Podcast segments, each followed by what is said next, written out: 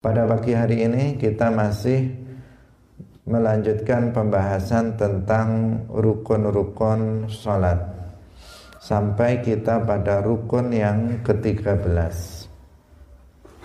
Qala al-muallif rahimahullahu ta'ala ats-tsalitsa asyara al-julusu litashahhudil akhiri wa ma ba'dahu Asalisa asyara utawi kang kaping telulas iku al julusu lungguh lit tasyahudi kanggo tasyahud al akhiri kang akhir. Wa malan barang ba'dahu kang ing dalem sakwuse tasyahud akhir. Ar-rabi'a asyara utawi kang kaping 14 iku at-tasyahudul akhiru maca tasyahud kang akhir. Fayaqulu mangko ngucap sapa musalli wong kang salat at-tahiyyatul mubarakatus shalawatut thayyibatu lillah. Assalamu alayka ayyuhan nabiyyu wa rahmatullahi wa barakatuh Assalamu alayna wa ala ibadillahis salihin. Ashhadu an la ilaha illallah wa ashhadu anna muhammadar rasulullah. Al-khamisa asyara utawi kang nomor 15 iku as-salatu maca ala nabiyyi ing atase Kanjeng Nabi sallallahu alaihi wasallam. Wa aqalluha lan utawi paling sedithike as-salatu ala nabi iku Allahumma salli ala Muhammad. As-sadisa asyara utawi kang kaping 16 iku assalamu maca salam wa aqalluhu lan utawi paling sedithike salam iku assalamu alaikum As-sabi'a asyara utawi kang kaping pitulas iku at-tartibu tertib. Fa in ta'ammada mongko lamun sengaja sapa wong tarkahu ing ninggal tertib. Kana Kana ana sapa wong iku sajada sujud sapa wong qabla ruku'ihi ing dalem ruku'e wong. Batalat mongko batal. Apa salat? Wa insaha mongko lamun lali sapa wong. Falyaut mongko uh, becik uh, ngulangi sapa wong.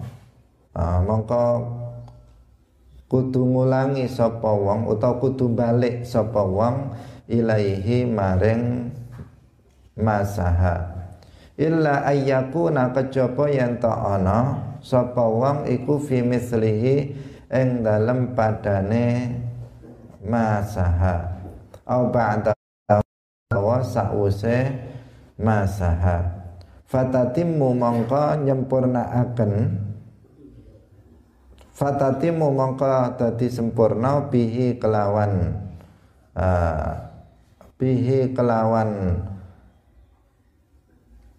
Bihi kelawan rakaat apa rakaatuhu?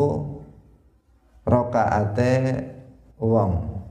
Walagha lan walagha lan ora den itung. Apa ma barang saha kang lali uh, saha kang lali sapa wong bihi kelawan ma. Hadirin hadirat rahimakumullah.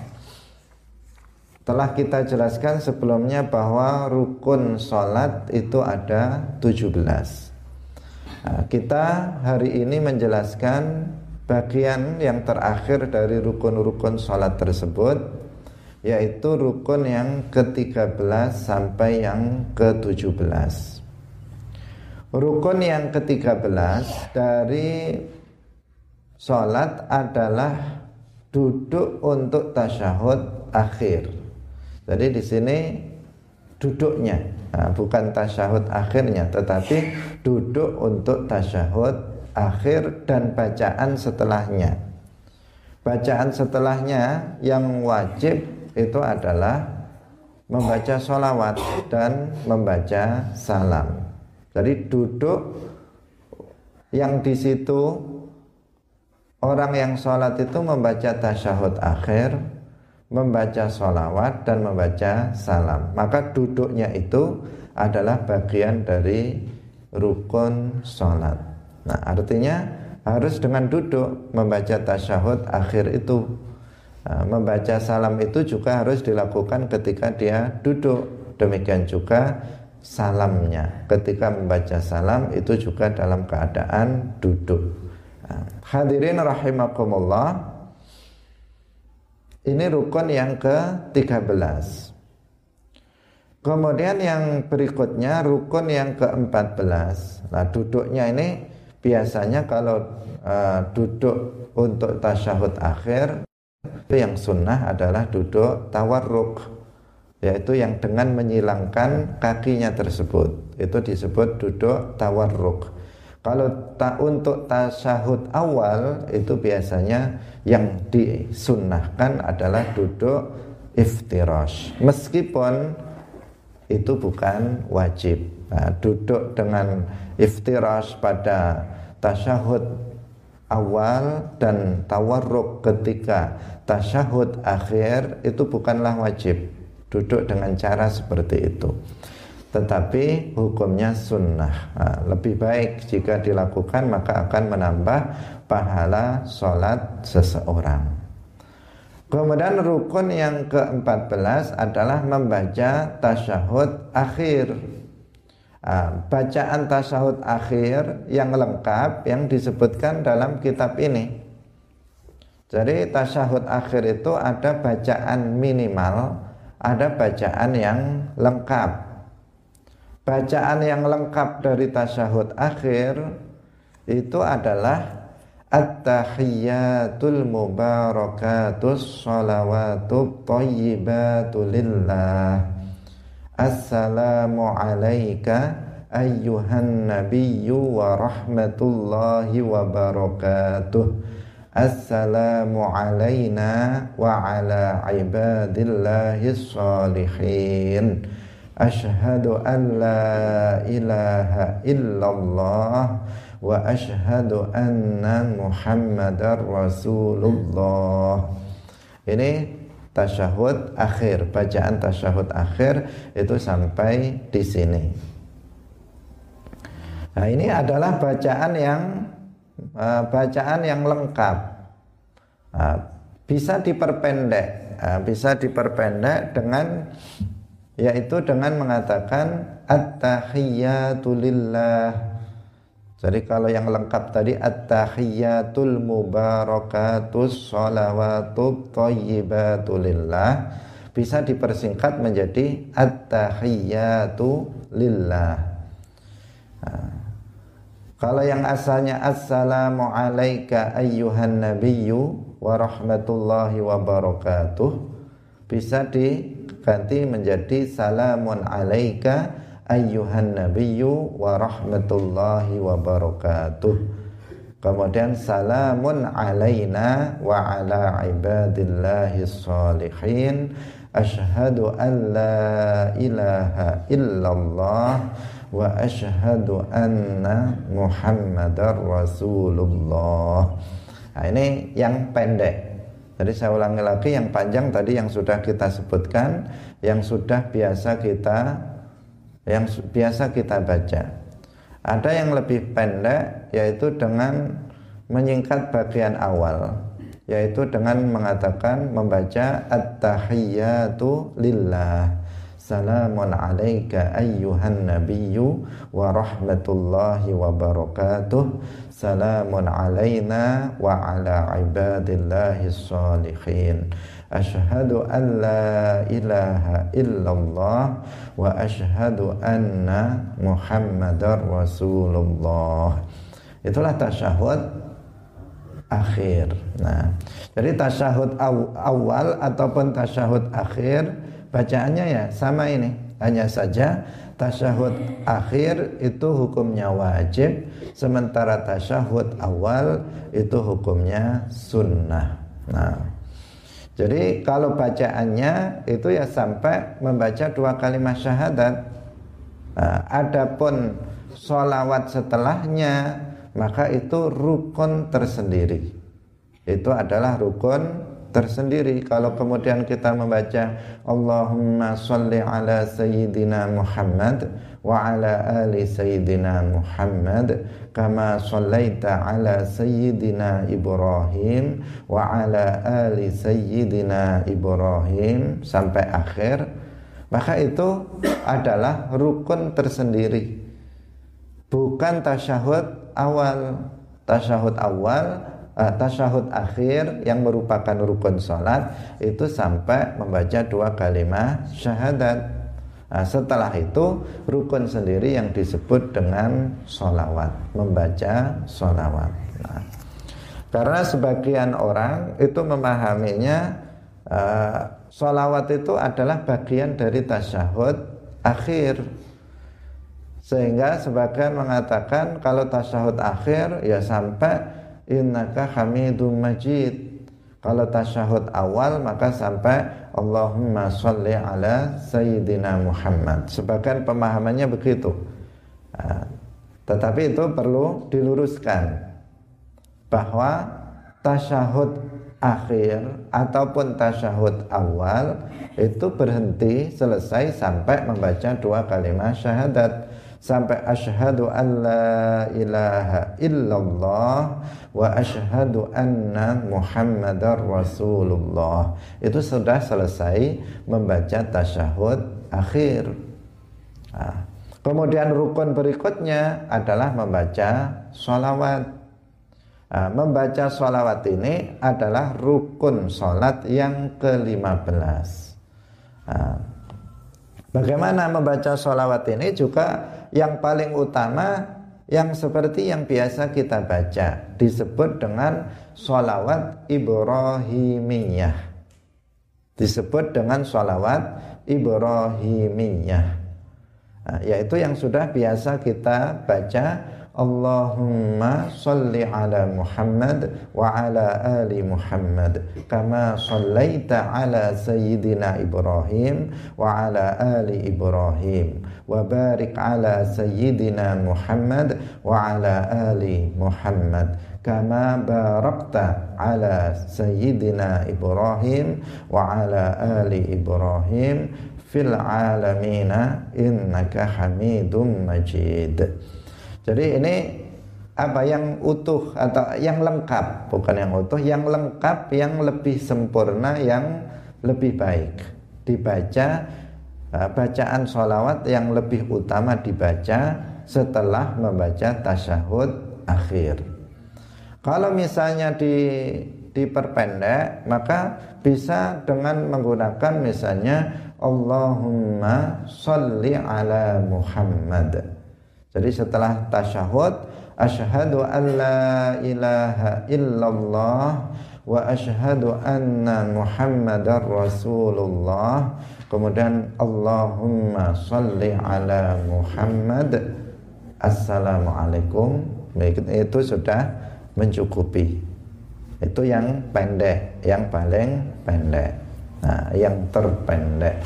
Kalau misalnya diperpanjang dengan bacaan salawat Ibrahimiyah, maka itu yang lebih utama. Nah, tentu kita menginginkan yang paling utama dalam beramal itu. Nah, karena jaraknya juga tidak lama. Nah, yang paling minimal itu tentu bisa dibaca apabila kita dalam kondisi misalnya ingin cepat Nah, ingin cepat, misalnya seperti dalam kasus sholat tarawih yang biasanya dilakukan di sini. Sholat tarawihnya cepat. Kalau kita baca lengkap tasyahudnya, eh, eh, apa namanya kita baca sholawatnya dengan sholawat Ibrahimiyah, maka nggak nutut misalnya, maka bisa kita menggunakan sholawat yang terpendek mengatakan Allahumma sholli ala Muhammad atau misalnya dengan bacaan sholawat sallallahu alaihi wasallam. Nah, sallallahu alaihi wasallam assalamualaikum misalnya. Nah, itu juga diperbolehkan. Ini bacaan sholawat yang minimal, yang maksimal dan lebih utama adalah sholawat Ibrahimiyah sebagaimana tadi sudah kita sebutkan. Nah, di sini kita bisa membacanya dalam membaca sholawat ini kita bisa menambahnya dengan lafadz Sayyidina di depan nama Nabi Muhammad. Juga boleh tidak ditambah Sayyidina. Jadi bisa kita membacanya Allahumma salli ala Sayyidina Muhammad wa ala ali Sayyidina Muhammad. Boleh nah, juga boleh dengan kita tanpa sayyidina. Misalnya Allahumma salli ala Muhammad wa ala ali Muhammad. Itu juga diperbolehkan. Dua-duanya diperbolehkan. Nah, dari yang disebutkan dalam hadis memang tidak ada nabinya tidak ada sayyidinanya tidak ada sayyidinanya tetapi jika ditambah dengan sayyidina maka itu diperbolehkan karena memang Nabi Muhammad sallallahu alaihi wasallam adalah sayyid bagi seluruh makhluk dari seluruh umat manusia. Rasulullah bersabda, "Ana sayyidu waladi Adam yaumal qiyamati wala fakhr." Aku ini kata Nabi Muhammad, aku ini adalah sayyid bagi anak Adam, bagi manusia nanti pada hari kiamat. Wala fakhr, aku mengatakan itu bukan untuk menunjukkan kesombongan saya, enggak. Tetapi tahaddusan bin ni'mah. Beliau memberitahukan kepada kita nikmat yang beliau yang Allah berikan kepada beliau bahwa beliau dijadikan sebagai sayyid, sebagai pemimpin yang paling mulia di antara umat manusia.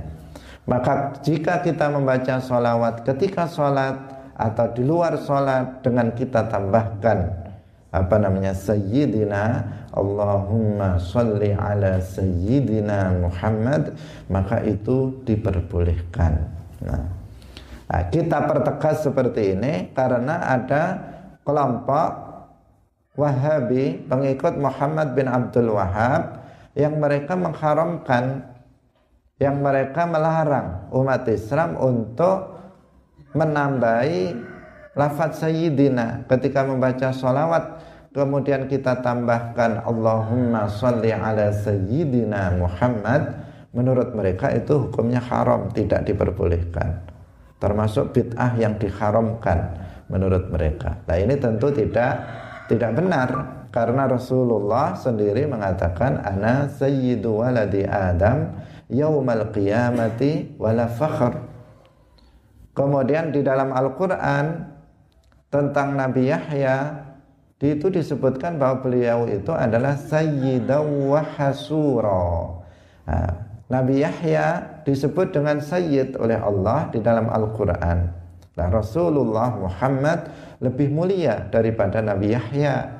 Karena itu lebih boleh Nabi Muhammad itu disebut dengan sayyid daripada yang lainnya. Karena itulah maka diperbolehkan kita untuk menambahinya dengan kata-kata sayyidina. Allahumma sholli ala sayyidina Muhammad. Tetapi jika kita tidak tambahkan, maka itu juga sudah sempurna, sudah boleh ya, atau boleh tidak uh, tidak masalah jika tidak ditambahkan dengan kata-kata sayyidina. Nah, orang Wahabi sering menggunakan hadis palsu untuk mengharamkan membaca sayyidina. Mereka mengatakan qala Rasulullah la tusayyiduni fis shalah. Mengatakan begitu, la tusayyiduni fis shalah. Katanya ini hadis. Padahal ini bukan hadis. Kenapa? Kalau ini dibilang hadis maka ini palsu ini, maudhu. Karena dari sisi bahasa itu keliru. Jadi lafat ini dari sisi bahasa itu sudah keliru. dan Rasulullah itu afhasun nas, afsahun nas. manusia yang paling fasih itu adalah Rasulullah. Maka tidak mungkin Rasulullah itu salah di dalam di dalam mengucapkan bahasa Arab. Nah, dalam bahasa Arab itu itu bukan sadayasidu tetapi sadayasudu.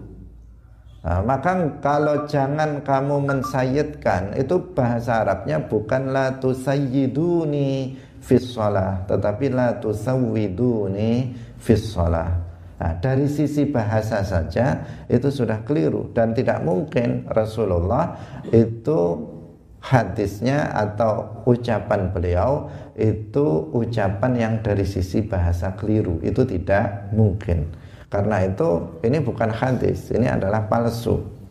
Dan boleh bagi seseorang untuk menambahkan lafaz sayyidina dalam membaca sholawat dan yang perlu diingatkan lagi di sini adalah bahwa dalam membaca sholawat jangan memanjangkan lafat lam. Allahumma sholli ala sayyidina Muhammad. Jangan dikatakan Allahumma sholli ala sayyidina Muhammad. Nah, linya itu dipanjangkan, itu enggak enggak boleh. Karena apa? Kalau ditambah ya, fi'il amar kemudian ditambah ya maka itu khitabnya kepada muannas. Padahal itu kepada Allah khitabnya Allahumma kepada Allah. Kalau kemudian seseorang menambahkan ya di belakang lam dia mengatakan sholli ala sayyidina Muhammad maka berarti dia seakan-akan menganggap meyakini bahwa Allah itu perempuan Nah, maka ini harus hati-hati, jangan sampai keliru di dalam membaca sholawatnya. Nah, sama dengan dengan membaca Al-Fatihah, sama dengan membaca salam, sama dengan membaca tasyahud akhir dalam membaca sholawat itu juga harus benar. Nah, yang harus dihati-hati tadi itu uh, jangan dibaca sholli. Nah, jadi yang benar apa? Sholli. Yang salah sholli itu salah. Yaitu dengan menambah ya di belakang lam. Hadirin rahimakumullah. Nah, juga harus dibaca shot, jangan dibaca sin. Jangan mengatakan Allahumma salli nah, salli wasallim misalnya tetapi dia harus membacanya sholli pakai shot karena maknanya juga akan berubah. Hadirin hadirat rahimakumullah. Kemudian rukun yang ke-16 yaitu membaca salam. Membaca salam ini berarti masih bagian dari rukun salat. Bacaan salam yang lengkap Assalamualaikum warahmatullahi Nah, itu yang lengkap. Assalamualaikum warahmatullah. Itu lengkap. Nah, sebagian ada yang menambahkan wabarakatuh. Itu sebagian ulama ada yang menambahkan Assalamualaikum warahmatullahi wabarakatuh. Ada yang begitu. Nah, sebagian ulama tidak tidak pakai wabarakatuh tetapi assalamualaikum warahmatullah. Nah, seperti itu. Ini apa? Yang lengkap. Yang minimal yang terpendek itu adalah assalamualaikum. Assalamualaikum. Itu sudah cukup. Nah, sudah cukup seperti itu nah, terpendek nggak boleh lebih pendek dari itu. Dan di sini harus menggunakan al pada assalam itu harus menggunakan al. Assalamualaikum harus menggunakan al. Nggak boleh misalnya tanpa al. Misalnya seseorang mengatakan salamun alaikum. Salamun alaikum. Itu tidak boleh tanpa al nah, Apa ada orang yang menggunakan uh, membaca salam tanpa al? Banyak, uh, banyak.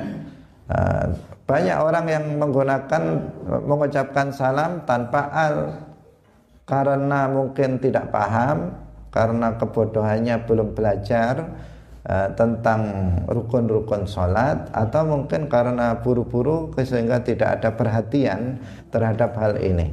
Sehingga ada banyak orang kalau ketika membaca salam dia mengatakan Assalamualaikum, Assalamualaikum, nah, Assalamualaikum, Assalamualaikum itu nggak ada alnya, nggak ada Assalamualaikum. Dia cuma Assalamualaikum, Assalamualaikum itu. Kalau ada suaranya mending meskipun itu nggak sah juga. Tetapi sebagian malah nggak bersuara. Itu aja langsung pergi dia ha? tanpa dia membaca salam. Padahal kemarin di awal sudah kita jelaskan bahwa rukun qauli membaca Al-Fatihah, membaca tasyahud awal akhir, membaca tasyahud akhir, membaca sholawat, membaca salam itu harus bihaisu yusmi'u nafsahu. Nah, harus bersuara sekira telinga dia itu bisa mendengar bacaan dia sendiri termasuk salam. Termasuk dalam membaca salam. Maka harus ada bunyinya assalamualaikum nah, yang pertama itu yang wajib adapun yang kedua assalamualaikum itu hukumnya sunnah menoleh ke kanan itu juga hukumnya sunnah tetapi kalau belum selesai membaca salam jangan noleh dulu karena apa? Belum selesai sholatnya. Jadi sholat itu dikatakan sudah selesai jika dia sudah selesai sampai mem assalamualaikum. Kalau sudah sampai mem kum maka berarti sudah selesai sholat baru dia miring. Jangan membaca salamnya sambil lari. Nah, sambil lari misalnya dia sudah lari baru salamnya sambil lari. Enggak, tetapi duduk Assalamualaikum baru kemudian uh, menggerakkan kepalanya ke kanan dan ke kiri itu hukumnya sunnah memalingkannya nah, kemudian tidak bisa juga diganti dengan kumnya itu tidak bisa diganti dengan yang lain oh teman saya di samping saya cuma satu orang karena dia baru saja belajar bahasa Arab kalau domirnya itu lek satu orang itu ka. Kalau banyak orang itu kum. Kalau dua orang itu kuma. Nah, dia lihat di sampingnya hanya ada satu orang. Kemudian mengatakan assalamualaikum. Assalamualaikum misalnya, maka itu tidak boleh, tidak bisa. Atau misalnya temannya ada dua, dia mengatakan assalamualaikum assalamualaikum misalnya. Karena apa?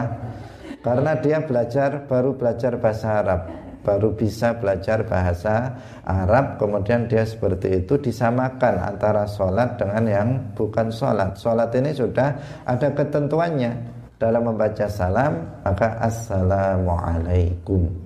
Apakah yang di sampingnya satu orang dua orang tiga orang laki-laki perempuan? Tidak perlu diganti assalamualaikum assalamualaikunna tidak perlu. Tetapi cukup assalamualaikum.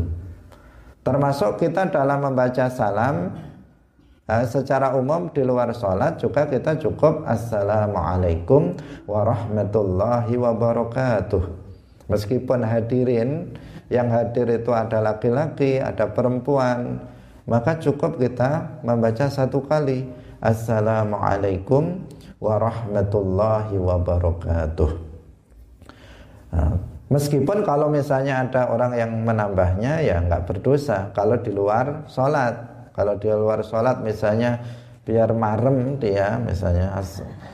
Ketika noleh ke hadirin yang laki-laki dia mengatakan assalamualaikum Waalaikumsalam warahmatullahi wabarakatuh.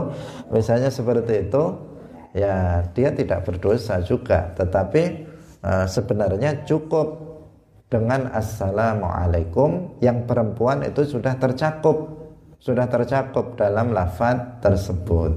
Nah, hadirin hadirat pemirsa Madu TV yang berbahagia. Kemudian rukun yang terakhir. Rukun sholat yang terakhir adalah tertib. Tertib itu artinya berurutan. Sholat itu harus berurutan rukun-rukunnya. Nah, rukun-rukunnya harus berurutan dari mulai yang kemarin kita uh, kita baca. Tetapi ada yang bersamaan seperti misalnya niat sama takbiratul ihram. Ah, niat sama takbir ya niat sama takbiratul ihram itu bersamaan. Ketika kita Allahu akbar maka kita juga niat di dalam hati. Kemudian berdiri itu juga bersamaan dengan baca Fatihah nah, artinya bukan baca Fatihah dulu baru ber, berdiri atau berdiri dulu baru baca Fatihah tetapi itu bersamaan di situ ada yang bersamaan, ada yang kemudian berurutan bergantian. Sebagaimana urutan yang sudah kita sebutkan dari awal uh, dari rukun-rukun sholat. Nah, nggak boleh. Misalnya seseorang apa di sini disebutkan sujud sebelum rukuk. Jadi sujud dulu baru rukuk itu nggak bisa. Harus rukuk dulu, kemudian ektidal, kemudian sujud nggak bisa sujud dulu kemudian berdiri uh, berdiri kemudian ruko kemudian ektidal kemudian duduk misalnya itu tidak bisa karena harus berurutan nah, tertib nah, tertib dari rukun-rukun sholat itu dilakukan secara berurutan. Artinya apa? Dilaksanakan sebagaimana yang telah disebutkan urutannya. Kemudian yang berikutnya yang harus diperhatikan, kalau seseorang itu sengaja meninggalkan tertib, misalnya dengan mendahulukan dengan mendahulukan rukun kauli berupa salam atau rukun fi'li sebelum urutan yang semestinya, maka batal sholatnya. Kalau mendahulukan salam langsung batal itu ya. Misalnya belum sujud sudah assalamualaikum. Assalamualaikum warahmatullah. Kemudian baru sujud Itu sudah jelas batalnya.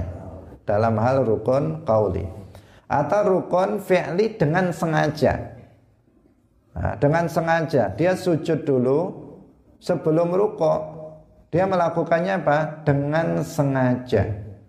Maka di sini dia batal sholatnya.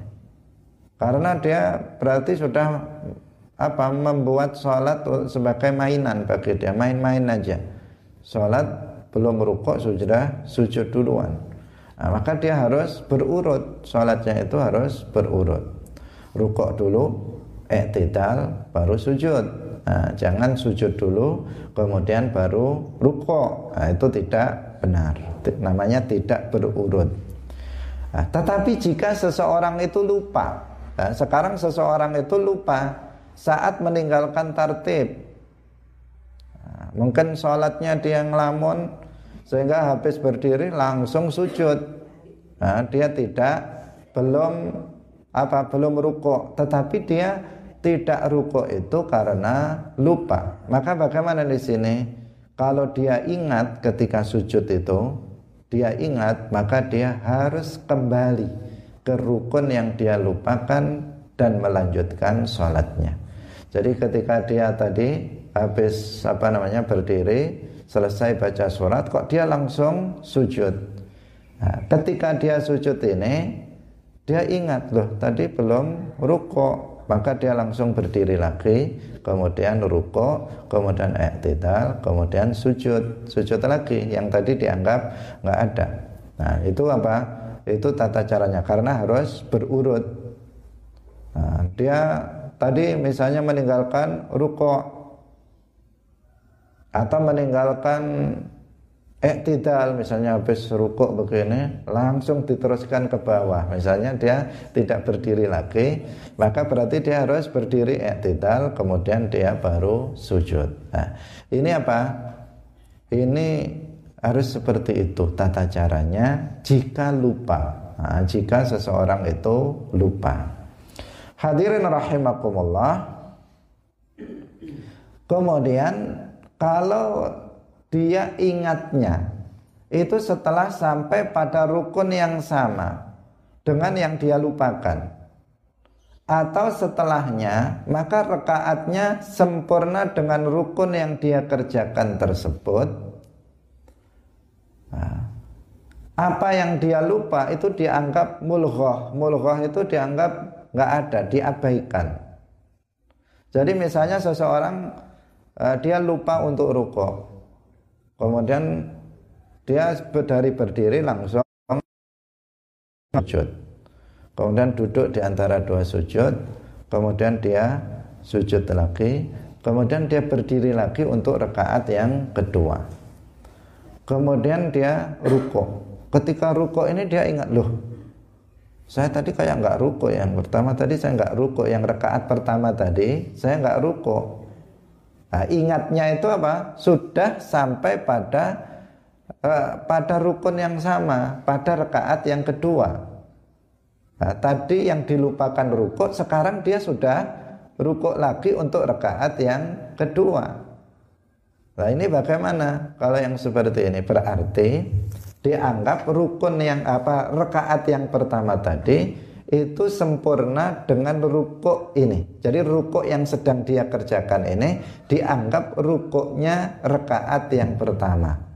Sedangkan rekaat yang kedua itu mulghah. Rekaat yang tadi yang dia apa yang dia kerjakan itu antara dia lupa ingat itu dianggap nggak ada berarti nanti nambah satu rakaat karena yang itu dianggap tidak ada bisa dipahami ya jadi saya ulangi lagi misalnya seseorang lupa tidak tidak ruko. Dia begitu berdiri langsung sujud. Kemudian duduk di antara dua sujud tetap lupa nggak ingat. Lupa itu tidak ingat. Kemudian sujud lagi. Kemudian berdiri lagi. Nah, berdiri untuk rakaat kedua.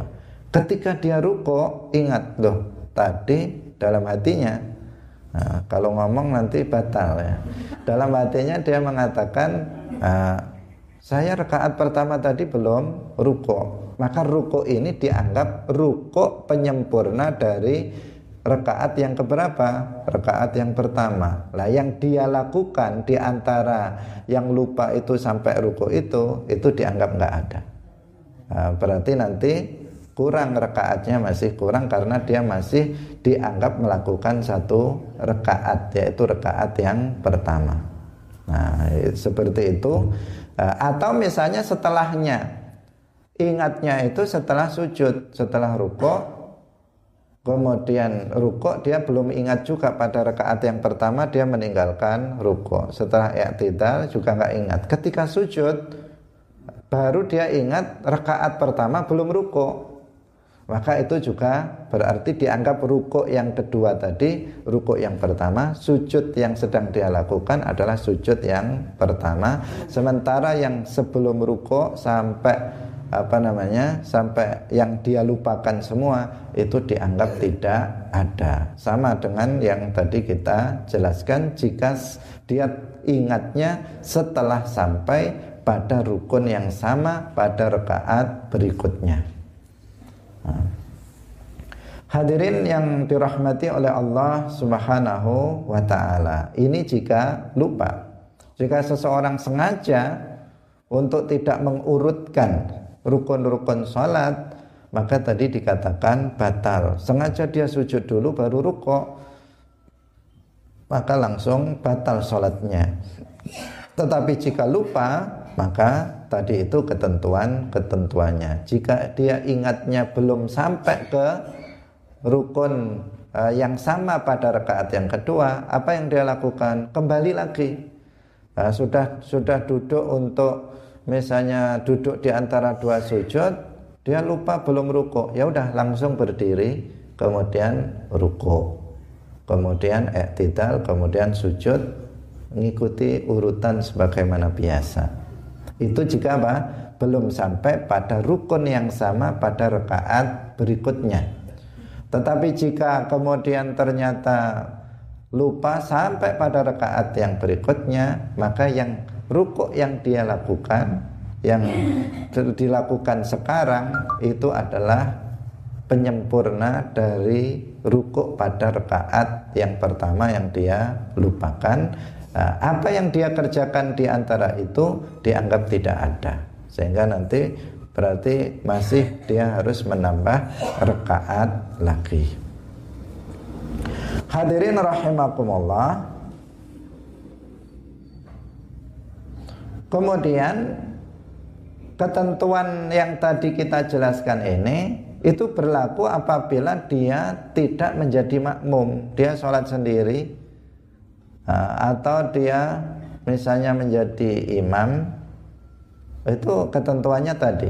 Tetapi kalau seseorang itu menjadi makmum, maka dia tidak boleh kembali kepada rukun yang dia lupa. Tetapi dia harus menambah satu rekaat setelah salamnya imam. Meskipun ini ya agak kebangetan. Nah, kebangetannya bagaimana? Wong ada yang diikuti kok dia nggak ikut. Nah, misalnya apa? Imamnya ruko, makmumnya kok langsung sujud, nah, misalnya, dan dia nggak sadar, dia tidak menyadari. Itu kan berarti keterlaluan sekali sholatnya ngelamun itu. Nah, semestinya kan makmum itu mengikuti imam. Nah, imamnya ruko dia ruko, imamnya iktidal dia iktidal, imamnya sujud dia ikut sujud. Nah, semestinya seperti itu. Nah ini ada kasus imamnya ruko, dia masih melayang-layang mungkin ke mana, kemudian imamnya ketika iktidal sujud dia sujud lupa kalau dia belum ruko, dikira sudah mengikuti imam padahal dia tidak ruko. Nah kemudian ketika sujud dia ingat loh saya belum ruko imamnya sudah sujud dia pun sudah sujud mengikuti imam. Bagaimana? Apakah boleh kembali lagi? Jawabannya tidak boleh. Kalau tadi sholat sendiri kita ingat ketika sujud, ketika sujud maka kita langsung berdiri lagi, ya kan? Langsung berdiri lagi mengikuti urutan itu, urutan sholat. Tapi kalau kita apa namanya misalnya bermakmum, kita jadi makmum, kemudian kita lupa tidak ruko, imamnya ruko kita nggak ikut ruko, ah, tiba-tiba su imamnya sujud, kita baru sadar kalau kita sedang sholat langsung sujud, ternyata kita belum ruko. Nah, kemudian ingat waktu sujud itu, maka jangan kembali, jangan kembali lagi ruko, tapi ikuti imam, ikuti imam. Ketika imam salam, maka kita menambah satu rekaat karena tadi ada satu rekaat yang belum ada rukuknya. Nah, tadi ada satu rekaat yang belum ada rukuknya, berarti yang satu rekaat itu kan eh, tidak dianggap nggak ada, maka dia harus menambah satu rekaat lagi setelah imam membaca salam. Nah, untuk apa? Uh, untuk tadi menempel satu rakaat yang tidak ada rukuknya. Nah, jadi seperti itu karena nggak boleh nanti makmum itu berbeda dengan imam. Nanti setelah ini ada ketentuan-ketentuan dalam bermakmum di antaranya ya nggak boleh makmum itu nanti berbeda dengan imam dalam beberapa hal tentu ada ketentuan-ketentuan lain yang nanti akan kita jelaskan dalam bab yang berikutnya. Hadirin yang dirahmati oleh Allah Subhanahu wa taala. Kemudian ragu-ragu dalam masalah ini. Sebagian kita terkadang ragu-ragu. Nah, ragu-ragu, misalnya seseorang ruko, kemudian dia ragu, apakah dia sudah membaca Al-Fatihah atau belum? Ketika dia ruko, dia itu ragu-ragu, apakah dia tadi sudah membaca surat Al-Fatihah atau belum? Atau ketika dia sedang sujud, itu ragu-ragu, apakah dia tadi sudah ruko atau belum? Nah, di sini apa? Berbeda dengan yang tadi lupa. Kalau dia tadi lupa, kemudian ingat. Nah, sekarang apa? Dia itu ragu-ragu. Ketika ruku itu ragu-ragu. Tadi itu saya sudah baca Fatihah atau belum? Ketika sujud dia ragu-ragu. Tadi itu saya sudah iktidal atau belum? Sudah belum, sudah belum, sudah belum. Itu namanya apa? Ragu-ragu. nggak ingat ragu-ragu itu nggak ingat yang pasti itu nggak ingat nah, di antara di antara dua hal itu. Nah, maka ragu-ragu dalam masalah ini itu sama dengan ingat. Artinya apa?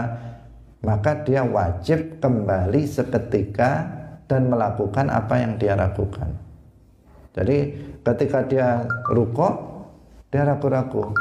Sudah belum. Baca Fatihah sudah belum sudah belum. Maka dia berdiri baca Fatihah dianggap dia ingat bahwa dia belum baca Fatihah kemudian dia baca Fatihah kemudian dia ruko dan seterusnya. Kalau dia lupa dia bukan lupa apa tadi ragu-ragu dia sedang misalnya dalam kondisi sujud tadi ragu-ragu apakah sudah ruko atau belum. Ragu-ragu sudah belum sudah belum. Maka dia langsung berdiri untuk ruko kemudian tidak dan seterusnya. Nah, itu kalau seseorang itu ada keraguan. Nah, keraguan itu tadi itu 50% 50% antara ya tidak antara sudah atau belum. Nah, maka di sini dia caranya adalah dengan dia kembali. Nah, dia harus kembali kepada uh, yang dia tadi ragukan. Nah untuk meragu untuk dilakukan. Biar nggak ragu kan dikerjakan apa yang dia ragukan apakah sudah dikerjakan ataupun belum. Nah Sedangkan apabila seseorang itu masih dalam kondisi berdiri, kemudian dia ragu-ragu, apakah sudah membaca Al-Fatihah atau belum? Maka tidak wajib dia langsung membaca surat Al-Fatihah. Karena dia belum berpindah dari tempat baca Fatihah. Namun jika keraguannya itu belum hilang sampai akan ruko, maka dia wajib membacanya kembali sebelum dia ruko. Jadi dia masih berdiri Nah, ini sering terjadi juga nah, seseorang. Artinya dia ketika berdiri, kemudian dia lupa sudah baca fatihah atau belum ini tadi. Karena imamnya mungkin terlalu panjang suratnya yang dibaca, sehingga apa?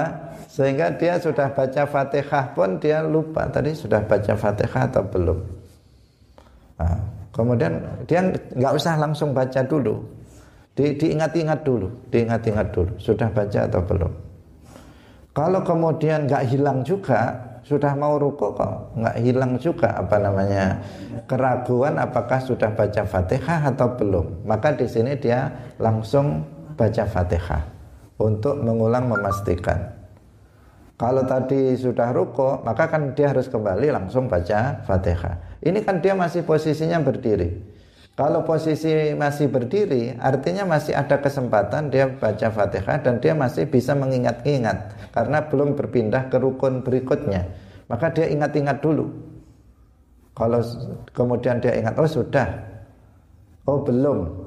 Kalau oh belum berarti langsung baca Fatihah. Atau misalnya masih tetap ragu-ragu, maka berarti dianggap belum dia langsung baca Al-Fatihah. Seandainya apa? Sudah mau rukuk kok belum ingat bahwa dia sudah baca Fatihah. Nah, tetapi jika jika belum akan ruko, maka dia ingat-ingat dulu. Masih ada kesempatan selama dia masih berdiri, masih ada kesempatan untuk mengingat apakah dia sudah baca Fatihah atau belum. Nah, begitu tata caranya. Hadirin hadirat rahimakumullah. Inilah uh, penjelasan tentang rukun-rukun sholat yang 17 hendaknya kita memperhatikannya dengan betul-betul dan memperhatikan juga tata cara melaksanakannya agar sholat kita itu bisa sah. Karena rukun itu menentukan keabsahan sholat yang kita lakukan. Satu rukun saja kita tinggalkan maka sholat kita tidak sah satu rukun saja tidak benar kita melaksanakannya sehingga rukun itu tidak sah maka sholatnya juga tidak sah nah, karena itu tidak cukup seseorang itu sholat hanya ikut-ikutan tetapi sholat itu harus berdasarkan dengan ilmu uh, sebagaimana yang kita kaji pada beberapa hari ini. Insya Allah kita besok memasuki bab yang baru yaitu tentang permasalahan sholat jamaah dan sholat Jumat. Nah, semoga Allah memberikan keistiqomahan kepada kita untuk senantiasa hadir dan mengikuti pelajaran-pelajaran agama sehingga kita kehidupan kita bisa lebih tertuntun dengan ilmu agama dan mendapatkan keselamatan nanti di akhirat. Amin. Barakallahu fikum wallahu muwaffiq ila aqwamit thoriq.